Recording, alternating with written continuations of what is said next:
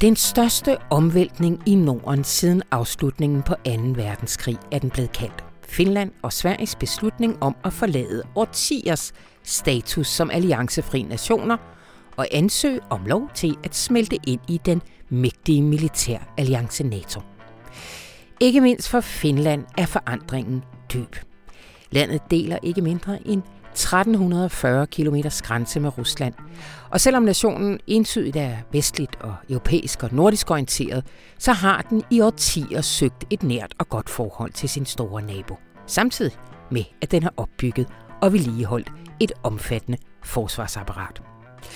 Så selvom det lignede gode gamle Finland, som vores journalist og halvfinde Mikkel Vuela for nylig besøgte i forbindelse med bisættelsen af sin grandonkel Usko, så var det et land på kanten af noget helt nyt. Grandonkel Usko er afgået ved døden sammen med årtiers globale sikkerhedsorden, skriver han. Han kommer her ind og fortæller, hvad han fandt ud af om blandt andet, hvordan den her beslutning påvirker findernes selvforståelse og tanker om fremtiden. Mit navn er Anna von Sperling, og det her det er gode gamle radioinformation. Det er din papiravis, altså stadigvæk også, men måske har du bemærket, at der er sket noget ved navnet. Altså det hedder stadigvæk information, men øh, det har fået et nyt design. Avishovedet er blevet mm, moderniseret, vil nogen sige. I hvert fald har det mistet sine skygger. Jeg spørger Rune Lykkeberg, hvorfor i alverden vi har gjort det. Og så har han så også en optur i den anledning, ikke relateret, men når han nu var her, over at de tekniske fikstid måske er ved at være over. Lone Nikolajsen, hun er her også. Hun har nemlig set, hold fast, den bedste danske komedieserie i overvis. Skruk hedder den, og de seks afsnit de kan ses lige nu på Netflix. Glæd dig til spas på Fertilitetsklinikken og sjov med løgn og bedrag. Rigtig hjertelig velkommen til.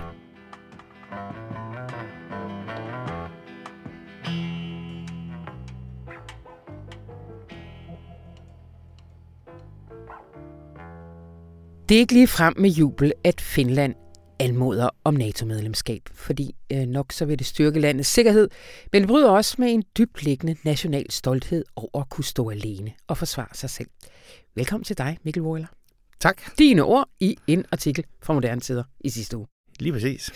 Uh, for du har besøgt Finland, og uh, vi kommer tilbage til uh, uh, det spørgsmål, du tog til Finland, for du undersøgte i Finland, fordi anledningen var, at du skulle til en begravelse hos din grandonkel Usko. Ja, det er rigtigt. Min far han kommer fra Finland, mm. og øh, Usko, det var så min farmors lillebror, som altid har været en, en stor figur i familien, som vi altid har besøgt, når vi var i Finland, og som har besøgt os i Danmark, og altså, som jeg jo så har set især igennem min barndom, men også når jeg som voksen har været i Finland, har jeg taget forbi ham og besøgt ham. Mm. Mm. Og du skriver, når han indgår i artiklen, så er det også fordi, at du skriver, at på mange måder er Uskos historie også Finlands historie. Ja, jeg synes, der er et ret parallelt øh, forløb imellem hans liv og så øh, nationens mm. udvikling. Fordi han blev født i begyndelsen af 30'erne, der var Finland en meget ung nation. Stadigvæk, den var lige øh, blevet selvstændig 17 år forinden, øhm, og havde været ude i en kæmpe, blodig, forfærdelig borgerkrig imellem øh, de røde og de hvide, som man ligesom kaldte dem, som de hvide vandt. Og han er så vokset op øh, på landet, da han var barn, så døde hans far, og så øh, var han nødt til med sin mor og søster at flytte ind i et lille øh, sommerhus, var det egentlig tænkt som, men det område, hvor, hvor hans afdøde fars familie kom fra. Mm. Og så boede de der i, i ret stort øh, armod, men vidste altid sådan, dem derovre, de havde været på den røde side, og dem derovre havde været på den hvide side. Sådan, ja. der, var, der var styr ja. på den del af det, ikke? Og så da han var seks år gammel, så brød 2. verdenskrig ud. Og, øhm, og det er noget, som fylder meget for alle finder. Ja. Øh, fordi at, at de 39, der angreb Sovjetunionen, Finland, og alle var sikre på, at nu var det slut med den historie. Det selvstændige Finland var slut. Det var jo Rusland, de havde løsrevet sig fra ja. tilbage i uh, øh, 1917. Og nu skulle det kapitel ligesom lukkes. Og der lykkedes det altså at dræbe så vanvittigt mange russiske og sovjetiske soldater, og ødelægge så meget materiel, og skabe så meget kaos i den røde her, at man droppede fra Stalins side ideen om at indtage hele landet. Ja. Man lavede en fredsslutning, hvor man så fik omkring 10 procent areal. Og, øh, og så kom der en masse flygtninge, for de der 10 procent kom også dertil, hvor han boede, og da finderne prøvede at tilbageerobre de tabte lande, så var alle flygtningene, de kom altid hos dem, fordi de havde en batteridrevet radio, mm. så de kunne sidde og høre nyheder fra fronten og sådan noget. Og øh, de fik jo aldrig det land tilbage. Men alligevel efter krigen, så det, var det jo der, at Finland rejste sig som en industrination og begyndte at komme ind i kampen. Det har altid været fattigere end Sverige og Danmark og sådan de andre nordiske lande, og været koloniseret til den ene side eller til den anden side. Men så var det der, det rejste sig. Det var også der, hvor Unglusko blev en, øh, en ung mand og tog til søs og lærte alt om maskiner, imens at man hjemme i Finland også byggede store skibe og fik gang i en ordentlig industri. Og han kom hjem fra havet og, og havde, kunne virkelig meget med, øh, med maskiner, var ekstremt fingersnil, og han, han opfandt en ny måde at slibe sådan nogle valser til papirfabrikker på, mm-hmm. som gjorde, at han, øh, at han endte med at, at øh, blive en ret rig mand, faktisk. Ja, ja. Så, så samtidig med, at at staten går fra at være sådan et fattigt hjørne af Norden til at blive sådan en nordisk velfærdsstat, så går han altså også fra at være sådan en fattig øh, ung mand til øh, at være en, øh, en holden øh, herre ude i en forstad til Helsinki med hus og swimmingpool og, og en have, han gik meget op i. Ja. og Usko dør, hvor gammel er han, da han døde her? 89. 89, ja. godt. Øh, og det gør han jo, hvis vi skal fortsætte parallellerne, på et tidspunkt, hvor at der også sker, jamen altså, hvad, hvad, hvad skriver det største øh, sikkerhedspolitiske paradigmskift øh, i Skandinavien siden 2. verdenskrig? Ja, altså det er, det er noget, jeg citerer andre kloge hoveder for at have sagt. Æ, øh, men, men, men, men det bliver det jo udlagt som, yeah. at det er virkelig yeah. sådan, at, øh, at, at, at det er som om de sådan tektoniske plader, de sådan, altså skifter drejer lige nu i Norden, fordi yeah. at både Sverige og, og Finland har anmodet om at blive medlemmer af NATO, efter at have haft øh, utrolig mange øh, for Finland, altså vedkommende, altså årtier som alliancefri nation. Ja, jeg skal ikke lige have på plads, fordi altså, det er ikke sådan, at der ingen relation har været til NATO. Hvad, hvad har øh, Finlands forhold til NATO været? Man har ligesom holdt døren på klem, de kalder ja. det sådan, på engelsk kalder man sådan den NATO option, altså det NATO-optionen, øh, øh, ikke, som de har. Øh, så de har deltaget i sådan et samarbejde, som hedder Partnership for Peace, og øh, hvor, hvor, hvor man, hvad kan man sige, strømlyner våbenindkøb og måder at opbygge her på, og sådan noget, så man faktisk er kompatibel med øh, NATO's ja. øh, krav. Ikke? Og så har man også øh, fra Finns side deltaget i rigtig, rigtig mange militærøvelser sammen med NATO. Så det vil sige, at man har haft den her mulighed. Det vil ikke være fuldstændig fjernt for et land som Finland og en her som den finske, at komme til at altså, sådan, kan man sige, glide ind i det Nej. i NATO-samarbejdet. Det vil kunne gøre sådan relativt øh, nemt, altså, fordi at den er sådan set designet til at kunne gøre det, hvis tilfældet skulle, øh, skulle ramme, hvor man tænkte, nu ville det måske alligevel være en god idé. Ja, og det gjorde det jo med den russiske invasion af Ukraine. Øh, det er meget tydeligt, du har nogle tal i artiklen også, for det kæmpe skifte, der også sker i befolkningens øh, opbakning til et NATO-medlemskab. Ja, altså fra, der var en undersøgelse i efteråret sidste år, var to tredjedel sagde, at de var imod et NATO-medlemskab, og, og det var sådan set øh, byttet komplet om efter Ukrainekrigen, hvor to tredjedel så var for. Øh, og det betyder, det skyldes også, at de politiske vinde skiftede. Altså, der er en ret stor tillid til de finske ledere i det her spørgsmål her, uh, både for, til præsidenten, til statsministeren, til parlamentet, at de vil træffe det rigtige valg i det her tilfælde også. Og jeg talte med sådan en uh, militær professor, som jeg synes faktisk sagde det meget godt, fordi Finland har en kæmpe her. Altså, ja. det er noget, som man ikke tænker over herhjemme, hvor vi jo altså, har indrettet vores militær på nogle internationale missioner og sådan noget. Men Finland har ligesom beholdt øh, det, som vi indtil for nylig troede var en gammeldags måde ja. at drive forsvar på, ja. hvor man indkalder store dele af befolkningen, den mandlige befolkning til værnepligt. De gennemgår det. 70 procent, ikke? Ikke det, det, det er 70 procent af mændene, ja. der har, taget, der har en militær øh, uddannelse ja, det er i landet. Og det er ikke, ikke bare, at man har rendt lidt rundt og hygget sig som ung. De bliver indkaldt også til at få holdt deres militære ja, kundskaber ja, ja, ved lige. Du, du skal ind, og, ind og, og få det genopfrisket, eller når ja. der kommer nyt grej, så skal du lære det at kende og sådan noget. Så ja. der er ligesom der er 280.000, som er øh, hvad kan man sige, klar til i første omgang at skulle, øh, skulle forsvare landet, og så er de yderligere 600.000, hvor det så kommer vi lidt længere op i alder og sådan noget, ikke? Ja. Øh, men som også er indgår i, i reserven, ikke? Ja. Så, så, det, så det er jo en enorm her ja. i forhold til, øh, hvis vi ser på danske forhold, og det er jo ret sammenligneligt, for vi er cirka lige mange indbyggere i de ja. to lande. Ikke? Ja. Øhm, så det er jo sådan lidt... Øh, det, det var indtil for nylig ganske, ganske gammeldags, men det var bygget op på, at man erfaringen fra 2. verdenskrig var, at der kom ikke nogen andre. Nej. Altså. Nej. Og så var det også erfaringen... Og det lykkedes.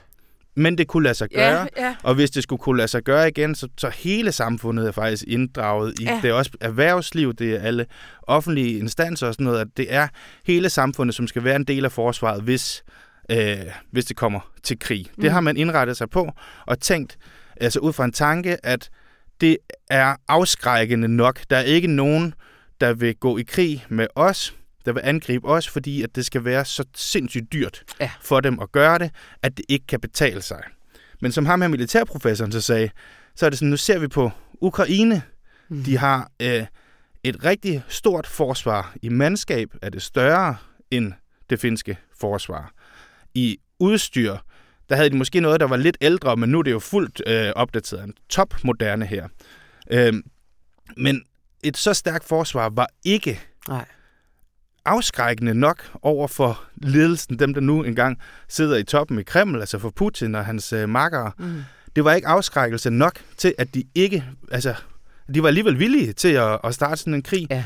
Og det er klart, når du sidder i Finland og ser det, og siger, okay, der er noget, der har noget, hvad kan man sige, en tilsvarende afskrækkelse, tilsvarende stærk øh, her, og det vil de våge sig ud i alligevel, Ja. så kunne det godt være, vi skulle øh, kigge hen mod den der dør der, hvor vi har foden i klemme til Ja. NATO, Ja. og se, om det ikke er nu, at vi skal, øh, hvad kan man sige, banke på med boller og lavkage og spørge, om man lige må komme indenfor. Ja.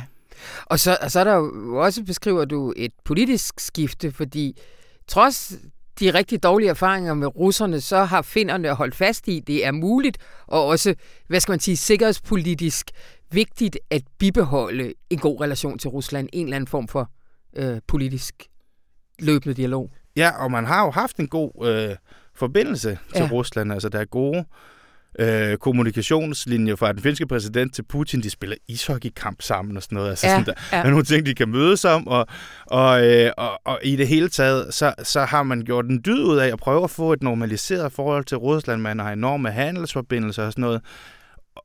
Fordi man har jo altså 1340 kilometers grænse, som man deler. Det er jo virkelig, virkelig, det er virkelig, virkelig en lang grænse, de deler med hinanden. Ja. De er nabolanden, og det har man jo naturligvis tænkt, det handler om at få det bedste ud af det. Vi skal ikke have det værste ud af det, Nej. og, og, og gået ret målrettet ja. efter det. Men det er klart, at de relationer, så, så Finland er jo, har jo meldt sig ind i EU, og, og i det hele taget sådan, er, er entydigt sådan nordisk orienteret, Ja. ja. vestligt orienteret, øh, EU-orienteret. Og derfor så, øh, så ønsker de jo ikke, altså i det her tilfælde her, hvor Rusland så angriber et andet land og sådan noget, så, så, så er der ikke nogen tvivl om, hvor Finland står henne i det. Nej. Så er det jo entydigt på ja. den anden side. Og også et russisktalende mindretal, hvis vi skal fortsætte med parallellerne til Ukraine. Øh, Det var jeg faktisk ikke klar over, at det var, der var så stort et russisktalende, at det er den største minoritet i, i Finland. Ja, der er omtrent 80.000 øh, russisktalende. Ja. Men Indbyggere. fylder de noget? Altså, Jamen, det gør de jo i kraft af deres antal. ja, Øhm, der er mange, det, det, er det er på mange forskellige måder, folk de kommer, ikke også? Der er masser af, af folk, der kommer for at arbejde, fordi der er højere lønninger og Ja. sådan noget, ikke? Altså ligesom, at, øh, at vi har øh, forskellige folk øh, fra Østeuropa, som Ja. kommer til Danmark ja. for at arbejde. Øhm, så kan det være folk af andre årsager, uddannelsesmæssige årsager og alle mulige grunde, Ja. ikke? Ja. Så det er også en lidt, det er også en, en divers gruppe Ja. russere, men Ja. dog kan man se, fordi der var en meningsmåling Ja. øh, fra det finske øh, medie Yle, som er deres DR, øh, lige her for nylig, som viste, at, at der var der ikke opbakning i det her russisktalende mindretal til et NATO-medlemskab. Nej. Der var det omkring øh, 55 procent, mm. så vidt jeg husker, som øh, sagde nej tak, og kun 20 procent, der var sådan på et ja. Og så møder du en gammel bekendt, der, der i forhold til den her snak om, hvordan kommer Rusland til at reagere på øh, Finlands beslutning om at, at opsøge om NATO-medlemskab, som siger, at det en af de scenarier, man kan se, det er, at Rusland, Kreml begynder at bruge mindretallet i, i Finland aktivt. Hvad, hvad, hvad er det for en, øh, hvad er det for et scenarie? Jamen, Rusland har jo sagt og troet med i overvis, at hvis Finland de blev en del af NATO, så ville man altså komme med et militærteknisk modsvar, som de kalder det, ja. hvad det så end kan være. Og øh, det ved man så ikke hvad men, men man kan sige, at Rusland de arbejder jo med mange ting rigtig meget med sådan noget informationskrig, ja. hvor de kan forsøge at påvirke det her øh, russiske mindretal. Det gør det jo i høj grad i forvejen, mm. fordi hvis du hvis du ser russiske nyheder, læser russiske øh, aviser, så får du jo en fuldstændig anden forklaring og udlægning af, hvad der er, der foregår lige nu i verden og i Ukraine. Ja. Øhm, og det kan de jo intensivere. Øh, de, han fortalte, eller de fortalte dem, jeg mødtes med, mine gamle venner, Henrik og Sanna, fortalte, at, øh, at den russiske ambassade, eller udenrigsministeriet ambassaden i Finland, har så også, altså, har ligesom åbnet sådan en hotline, hvor folk de kan ringe ind, hvis de bliver udsat for russofobi i det finske samfund. Ja. Og, øh, og noget, som man jo ret entydigt forestiller sig, at vi kunne bruge et eller andet form for propaganda med hen ad, hen ad vejen. Ikke? Mm, mm, mm. Men dermed ikke sagt, at de ikke bliver udsat for Ej. russofobi, for ja. det er jo så den anden side af det. For det er klart, at det had, der kan være underliggende i et samfund, som jo også altid har set sig troet ja. af Rusland, det kommer også mere op til overfladen. Og, ja, og, og, og en af mine gamle veninder, jeg mødtes med, Sanna, hun er, hun er halvt russer, hendes mor øh, er, er øh, russer og, og har altså oplevet det her. Øh, ja. Altså, ja. at man bliver talt grimt til, eller sådan noget, hvis, øh, hvis folk de hører en tale russisk på gaden og sådan noget. Ja.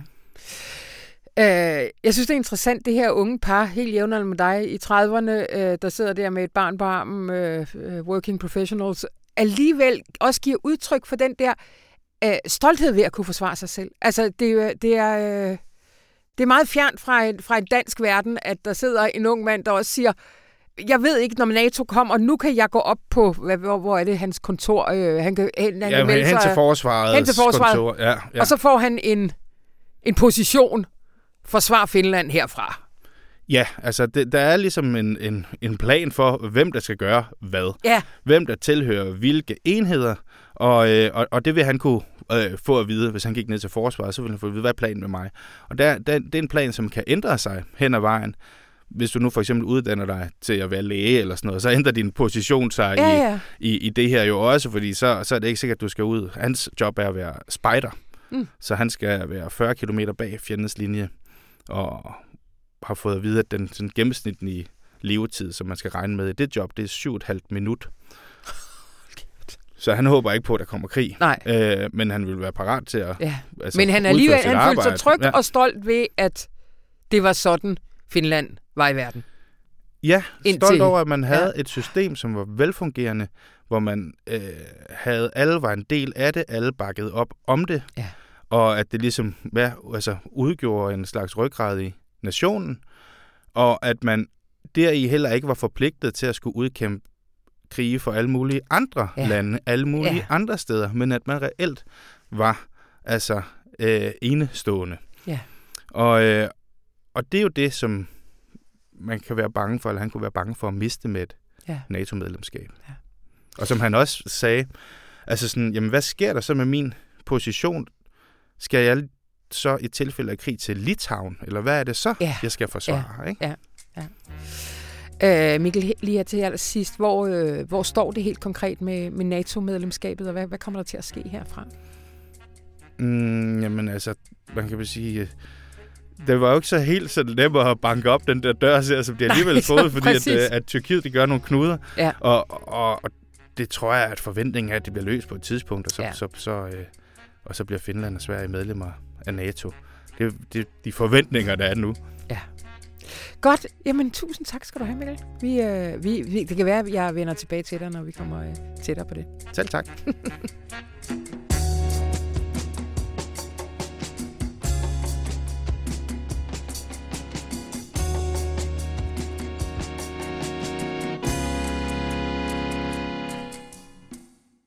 Hej Rune. Hej Anna. Har du en opper til os? Kæmpe opper. Mm. Kæmpe opper. Mm. Øhm, I 50-året for Grænser for Vækst, Anna, ja. så er erkendelsen ved at brede sig, nemlig at der er ikke nogen teknologiske løsninger på vores energiforbrug. Vi bliver nødt til at nedbringe vores energiforbrug. Og det er jo faktisk et opgør med hele væksttanken. Og det viser sig forskellige steder. I den her uge, så kom øh, Synergi, som er en interesseorganisation for Rockwool og Danfoss og andre virksomheder, de kom med en rapport med en række konkrete forslag til, hvordan vi kunne leve op til vores mål. Mm. Og der var pointen, at vi skal nedbringe vores energibehov.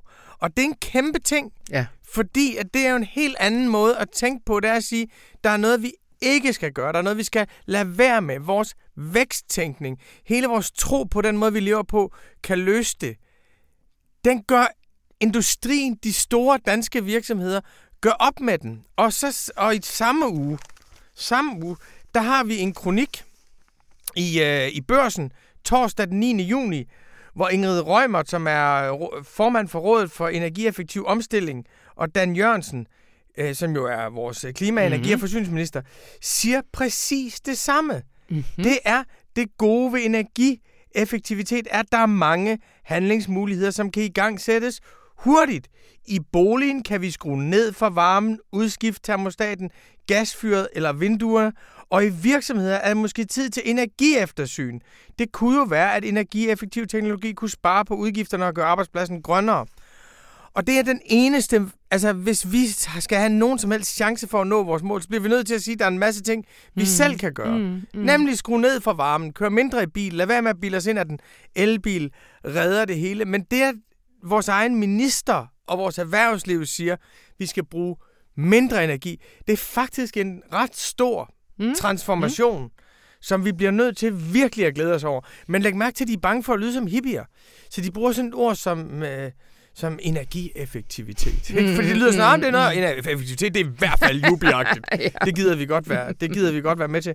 Men den breder sig, og det skal den også. Ja. Fordi hele den der klemme, vi er i nu i forhold til Rusland og Saudi-Arabien og Venezuela, den har jo hele tiden som præmis, at vores energiforbrug er mm, konstant. Mm. Men der er jo, det er jo så banalt, at hvis du bare skruer din termostat en tak ned, mm. Så falder vores samlede øh, efterspørgsel på, på energi. Så det er en stor ting, hvor vi kan gøre meget. Mm. Optur. Kæmpe optur. Men, men Dan Jørgensen, har han, kommer han så også ind på, hvad der for eksempel fra politisk side skal gøre for at notche os og virksomhederne til det? Fordi at den er jo politisk lidt gratis, hvis det ligesom bare er virksomheden, der skal lave et eftersyn. Ja, men fuldstændig gratis. Og det er jo tre forskellige spor, der kører ved siden af hinanden. Ja. Fordi på den ene side laver man kæmpe, kæmpe Esbjerg omstilling, energipark, store investeringer og strøm til hele Europa. Og på den anden side sagde Dan Jørgensen ved det pressemøde, den bedste energi den billigste energi er den, energi, vi ikke bruger. Så nej, det er ikke sådan, så nu er vi begyndt at skrue samfundets store termostat ned. Men man er begyndt at sige det, og den måde, de siger det på, der kan du høre, det er en konsensus i Corporate og Political Denmark. Ja. Så spørger du, Anna, hvem har sagt det siden 1972? Nej, det vil jeg ikke sige, information har sagt. Nej, det vil, ej, jeg vil ikke sige, at vi fik ret igen. og Rune, nu når du er ved information, så har jeg faktisk fået en lytterhenvendelse, som siger, hvorfor i himlens navn skal I til at rode ved det bladhoved? Det var så flot.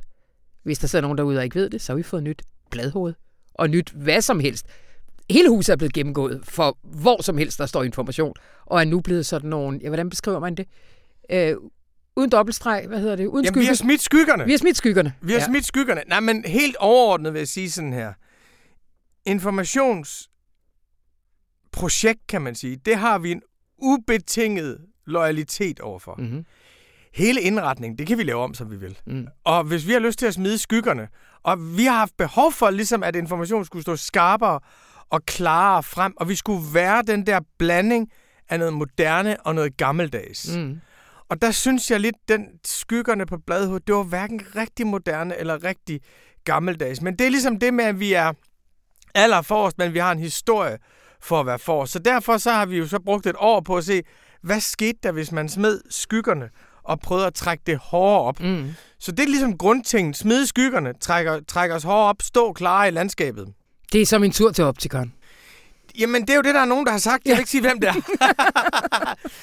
øh, men det er klart, det, det har også været et hensyn, at hvis du ser på din telefon, så kan du simpelthen ikke se de der, altså de der skygger, for det til at se, stå, stå uklart. Ja. Så vores hoved skal jo kunne være alle mulige steder i forskellige størrelser. Og der er det svært at skalere skyggerne. Men jeg vil godt understrege, at hvis ikke vi synes, det var smukkere på forsiden af avisen, havde vi aldrig gjort det. Vi offrer ikke noget æstetik eller klasse i digitaliseringens tjeneste. Og øh, hvis man nu er en god tur i Indre København, så kan man kigge forbi passagen og også se, at vi har fået malet det flot nyt op og ude på huset. Det har vi. Man kan lige gå igennem Sankt Anna i passage. Ja. Kig ind til venstre, hvis man kommer fra Stor Kongens Gade. Hvad, hvad søren er det? Har de smidt skyggerne? Ja, de har bevæget sig frem. At de har smidt skyggerne? Nej, hvor står det klart frem? Jeg synes, det er optur. Øh, tak, Rune Løbberg.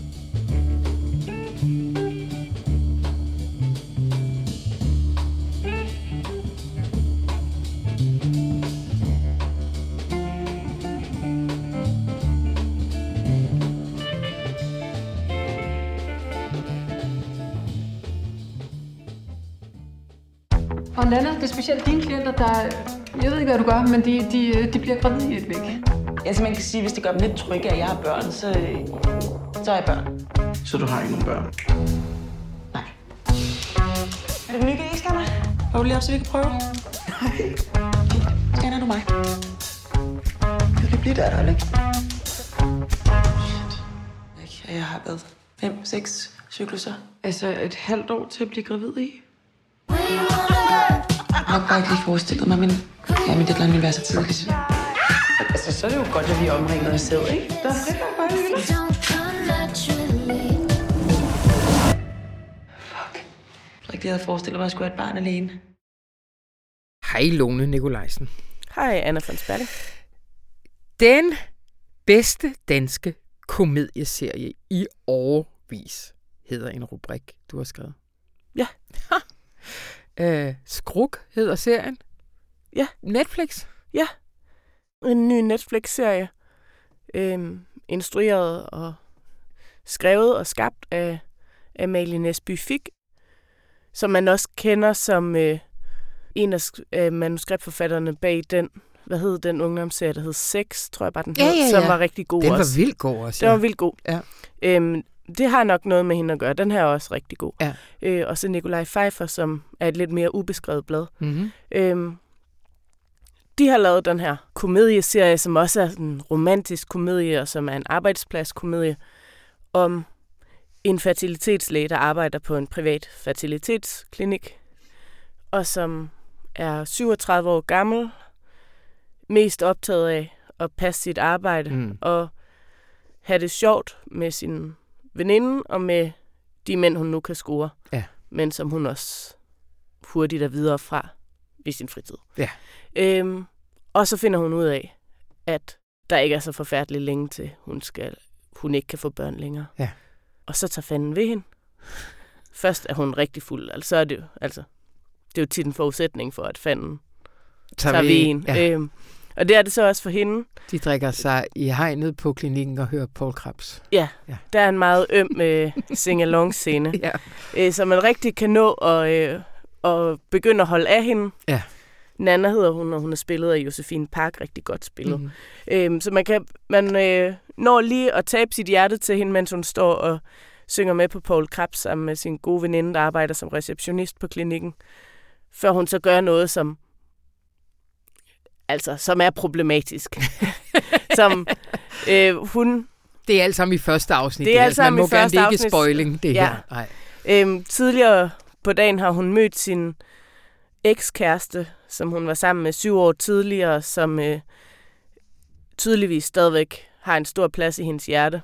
Ham har hun mødt lige ude foran den sædbank, som øh, er tilknyttet fertilitetsklinikken. De har et eller andet partnerskab. Og øh, han havde et ærne derinde, og i sin brændert går hun så ind og øh, finder det sædstrå, han har leveret til Ja. ja. sædbanken. Et af dem øhm, og gør sig selv gravid med Ja. ja. hans sæd. Ja. Og så handler resten af den her første sæson af Skruk om, hvordan, øh, hvordan man navigerer i den situation. Som et menneske, Som man der, jo kan ende i. som et, et menneske, der egentlig gerne vil have relationer til andre mennesker, men er kommet til at gøre noget, der, der meget nemt kunne være fyringsgrund. Ja. Ja, ja, og sætte sin gode veninde i en dårlig situation. Ja, der er også den, Og, ja. altså det er også en, det er også en historie om venskabsrelationen, fordi de ligesom er det, me, altså det mest, øh, den mest stabile kærlighed i hinandens liv. Hun ja. er Simone, hendes veninde, spillet af Olivia Juf. Ja. Er egentlig mor. Josefine Park er sådan en single ready to mingle type. Og og så hver tirsdag, så går de ud og bowler og snakker om følelser og laver vidigheder. Ja. Og det er ligesom den stærkeste relation, de begge to har, som så også bliver sat på spil, fordi at det var egentlig Simone, der skulle have, have låst sæd Ja. banken den aften. Ja. Men hun var for fuld til at orke det, og for fuld til at huske, at hun uddelegerede den til Nana. Så ja. der var også et kæmpestort svigt af veninden, ja. Og et kæmpestort svigt af tillid til alle sider. Og ja. selv har hun en baggrundshistorie, der også er fuld af forældresvigt, og Ja. deraf følgende manglende tillid til sin egen evne til at være forældre, og Ja. sådan noget. Altså det her med, at der er det her øh, lette ydre, og så afgrundsdybe mørke i hendes karakter, det gør, at du også, du øh, i din anmeldelse, der sammenligner du det med, med, med den med Fleabag blandt andet. Altså at, at det... Ja, den her rigtig, rigtig gode, øhm, Ja. gode britiske komedieserie, som også er en del af den her drejning, som komediegenren, eller komedieseriegenren nok har taget de sidste 10 år, øh, som man nogle gange kalder dramedy. Altså at mm. der også er det også er beslægtet på drama på den måde, at det ikke bare er en dum person, der bliver ved med at være dum, men der er også en eller anden personlig udviklingshistorie, man skal igennem. Ja. Øhm, ja, og netop det komiske er forbundet med noget mørke. Øhm, og det lykkedes virkelig, virkelig godt i den serie, der hedder Fleabag, som er øh, skrevet af Phoebe Waller-Bridges, som også spillede hovedrollen. Mm. Som var sådan en, en kvindetype, der var en lille smule afstumpet. Eller så hun var måske lige på nippet til at være afstumpet. Ja. Og på en god dag bare følelsesmæssigt distanceret, men dog stadig i stand til at få sit hjerte knust. Mm. Og det er lidt den samme kvindetype, som, Mm. mm. øh, som hovedrollen i Skruk Nana er. Mm. Altså en, der øh, er lidt placeret i sin måde at tale om andre mennesker, især de mænd, hun er sammen med på. Øhm, og er lidt cool, men måske også bare har gjort sig lidt kold i røven for, Ja, har jo for at kunne komme, komme Præcis. bedre gennem livet. Ja, og, og har jo en øh, mildest talt øh, uortodox måde at tale med sine patienter på også. Hvor, at, Ja. ja hvor man også, øh, det, det, det er også påfaldende, hun kan det. Prøv, prøv at fortælle, hvordan hun gør det. Ja, generelt så har hun jo øh, et sådan meget frit forhold til sandheden. Altså, hun betragter simpelthen øh, løgn som et redskab i, i værktøjskassen Mm. på linje med alle mulige andre. Så når klienterne kommer ind og er bange for, at øh, de ikke vil få så... En kvinde for eksempel er bange for, at hun ikke vil få så stor en tilknytning til sit barn, øh, som hendes kæreste, der skal føde barnet, så fortæller hun rask væk en løgnhistorie om, at øh, hun totalt godt selv ved, hvordan det er at være fravalgt af sit barn, også selvom det var hende, der fødte det. Ja. Og det var lige den anekdote, som klienten havde brug for. Øhm, så letter hendes nerver, og skuldrene sænker sig, og det bliver en behageligere situation for alle. Og hun har en rigtig øh, god succesrate, Ja. Nana. Og som vi lige hørte et lille klip af her i introen, så øh, opfinder hun mange forskellige børn til ja, de ja, forskellige ja, hun har øh, utrolig... Altså, hun, situationer. Hun indgår i præcis lige så mange familiekonstellationer, som øh, øh, klinikkens klienter gør. Ja. øhm, og det kan jo ikke være, være sandt alt sammen, og der er in, intet af det overhovedet, der er sandt af det, hun siger. Men, men går den, så går den. Ja. Og det gør den så bare ikke efter afsnit 1. Nej, nej. Øh, du siger, det er jo også en, øh, øh, noget, vi deler en stor kærlighed til, en arbejdspladskomedie. Ja, det er fedt. Ja, det er nemlig fedt. Og ikke mindst er der en fuldkommen vidunderlig chef. En chef, der hedder Helle, som er spillet af Charlotte Munk, som hvis der er nogen retfærdighed til, bare kommer til at få ret mange flere roller. Også gerne større og meget gerne komiske, fordi hun har et helt, helt vidunderligt komisk talent og helt, altså, helt vidunderlig timing. Og altså apropos det med, at, at komedier også har at moderne komedier også har et stort element af drama mm. i sig. Så selvom hun ikke, altså, selvom det ikke er en rolle, der bliver foldet vildt meget ud, så fornemmer man en øh, mangefacetteret, spændende karakter inde Ja. bag den lidt komiske chefrolle, som, eller cheftype, som hun er. Altså hun er sådan en, en øh, vital, midalderne, elegant ældre, eller Mm. elegant kvinde, som kommer ind i mødelokalet, stråler som en sol, lader sin anerkendelse regne ud over medarbejderne med rigtig meget sol på stemmen. Og så kan man bare se den måde, hendes ansigtsudtryk sådan hele tiden skifter, og den måde, hun er øh, helt vildt ivrig efter at udstråle det præcis rigtige i situationen, at hun også bare er en anerkendelseshungrende ja. lille en. Altså. ja. Og det er enormt sjovt, det her med at, øh, med både at, at udstråle autoritet, øh, og så øh, lade sårbarheden og usikkerheden skinne så meget igennem ja. den, ja. Den øh, autoritet. Det giver bare sådan en dynamik ja. i rollen, som gør, at alle scener med hende er gode, og ja. mange af dem spolede jeg tilbage og så igen, fordi det var fedt. Altså, det, det, der er virkelig... Hun formår virkelig at få rigtig meget ud af den her birolle. Og det er også bare det fede ved fiktioner, der foregår på arbejdspladser, at, at øh, man får et, øh, et hierarki med mm. i købet, så der sker alle mulige ting, som er ting, der sker i hovedpersonens liv, og så i baggrunden er der den her gruppedynamik, som også er sjov at følge øh, med chefen Helle, som skal prøve at tale sædbanks direktøren, chef, direktøren ja. Jannik, som bare, han kommer ind og har den præcis modsatte øh, attitude. Han kommer ind bare med sådan, nej, nej, nej, nej, nej, det skete bare ikke. Mm. Bare en lidt smartere, end når jeg siger det på ja. jysk attitude. Øh, og så prøver hun ligesom at få ham til at komme, altså at få tale ham lidt fra at være så bekymret at der, over, at der muligvis var indbrud ja. i sædbanken.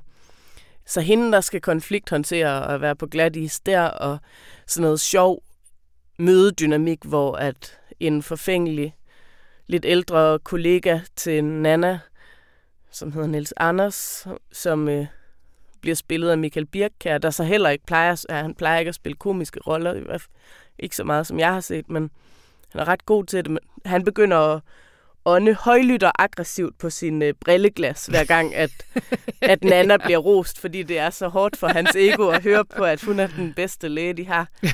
øhm. Og der er bare ret mange af den slags idéer, ja. altså på den ja. måde, ja, den idérige og sprudlende. Ja. Jeg tænker, at de har haft, jeg tænkte flere gange, da jeg så, øh, så den, at de har haft utrolig sjovt, da de skrev den. Der er sådan en, en fornemmelse af virkelig sådan et, et uh, writers room, der, uh, der nemlig sprudler. Det er så ja. fedt. Ja. Øhm, seks episoder er der. Ja. Men du siger, at du, uh, den lugter lidt af... Den lugter ret sæson, meget af, af anden sæson.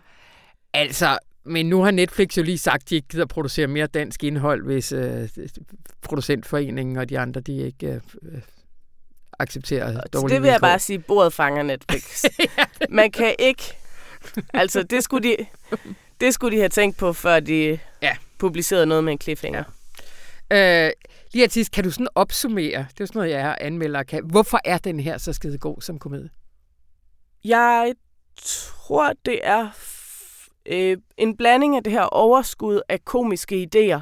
Altså, det komiske ligger meget i detaljerne, at de er øh, de er vildt gode til at lave øh, et ansigtsudtryk, man kender, eller lige time akavet tavshed ved kaffemaskinen, så det, så det minder om en lille, en lille komisk ting, en lille, en lille ting, der aktiverer ens egen latterlighed i hverdagen. Ja. At den helt, altså der er bare helt vildt mange af den slags små komiske detaljer, samtidig med at den overordnede historie er sådan ret... Øh, mm, forsonlig på en måde, selvom at hovedpersonen gør noget, der er uacceptabelt og muligvis endda utilgiveligt, ja. øhm, så synes jeg, at hun bliver præsenteret med en varme og en forståelse for, hvorfor hun lige var ude at skide, som gør, at man, øh, man hæpper på, at hun kommer et bedre sted hen. Ja. Og at jeg generelt synes, at, at serien skildrer også bipersonerne, der er klienter på fertilitetsklinikken, med sådan ret meget øh, omsorg og varme. Altså så, ja. så selvom den egentlig handler om en egoistisk skiderik, der burde vide bedre, ja. øhm, så er det enormt rørende at følge med i hendes intense, intense skamproces. Ja, det må man sige. Øh, Skruk kan ses på Netflix. Tusind tak, Lone Nikolajsen.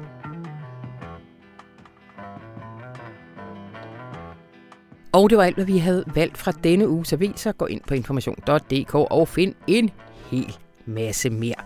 Øh, når du nu er derinde, hvis du ikke modtager vores nyhedsbrev, så gå ind på nyhedsbrev. information.dk-nyhedsbrev øh, og skriv dig op der. Så sender jeg noget til dig hver uge. Mit navn det er Anna von Sperling, og programmet her det var klippet af Anne Pilegaard Petersen, og vi ønsker dig en rigtig dejlig weekend.